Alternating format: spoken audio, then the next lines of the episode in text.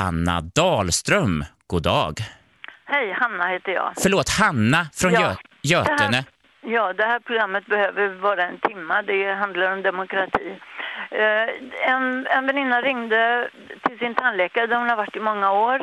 Och så, ringer, och så skulle hon till sin tandläkare igen och samma dag så ringer det är en annan tandläkare som har tagit över och så ringer de samma dag och säger du kan inte komma hit mer för vi stänger inte av det trådlösa För det brukar de göra och stänger av eh, datorer och sånt. Va Men varför det, ska de stänga av det trådlösa? Därför att hon är elöverkänslig, hon tål inte trådlöst.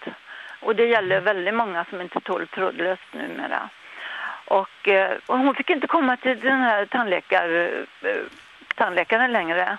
Och då blev hon rätt chockad och undrade vart hon skulle vända sig. För att eh, det är många som, eh, när de ska någonstans så måste de stänga av det trådlösa. Men en del eh, gör inte det nu.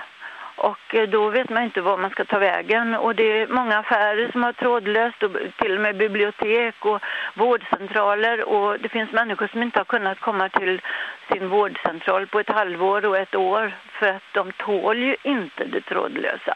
Det gör ont i hela kroppen och man blir jättesjuk och man måste rusa därifrån för det är så hemskt man kan inte få luft eller någonting. Många tål inte trådlöst.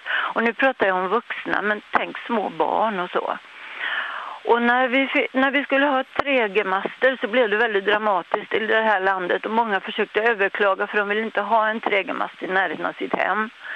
Och många överklagade och jag vet inte någon som eh, kunde stoppa masten utan det slutade ju med att folk fick flytta ifrån sina hem och flytta någon annanstans och det finns folk som Men fick flytta... Hanna, Ja. vill du ha ett, eh, ett förbud eller vill du mer ha kanske en garanti eh, att, eh, för att om man är elöverkänslig då ska man kunna få komma till exempel till sin tandläkare och tandläkaren ska stänga av Ja. trådlöst internet. Ja.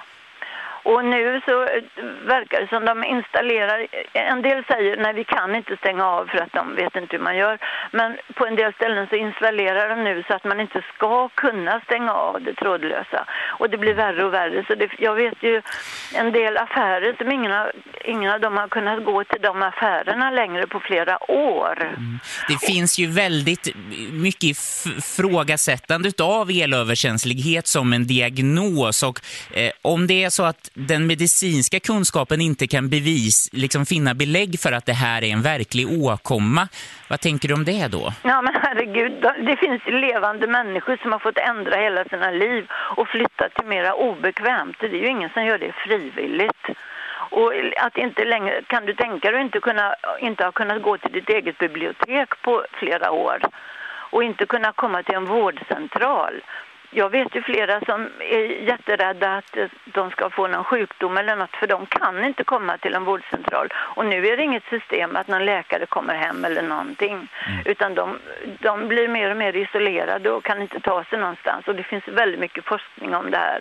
Och när vi skulle ha det här tre- 3G, då blev det ju väldigt dramatiskt. Och jag vet folk som fick flytta till någon, något öde sommarstugeområde och familjen fick åka och hälsa på dem och komma med vatten och mat och grejer.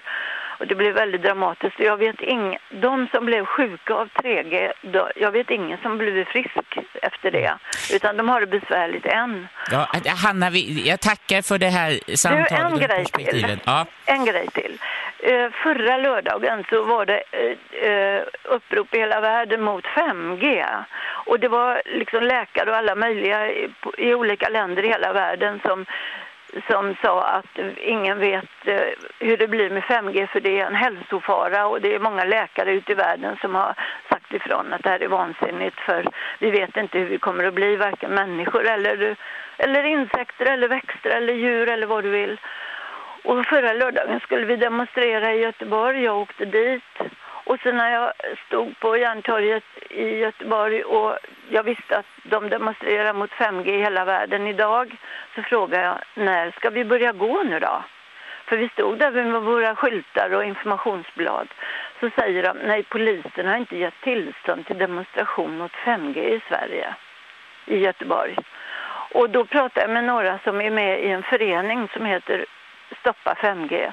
Och de sa att de har försökt länge att få debatter på tv, radioprogram, artiklar i tidningar. De har icke Men kunnat komma in med fick du information. komma in med, in med din åsikt om 5Gs eventuella skadlighet. Eh, jag säger att jag är inte någon tekniskt eh, kompetent människa att ge motargument, så vi kanske får ta dem en annan gång. Tack så Ja. jättemycket Hanna Dahlström Ja, för att du ringde in till programmet.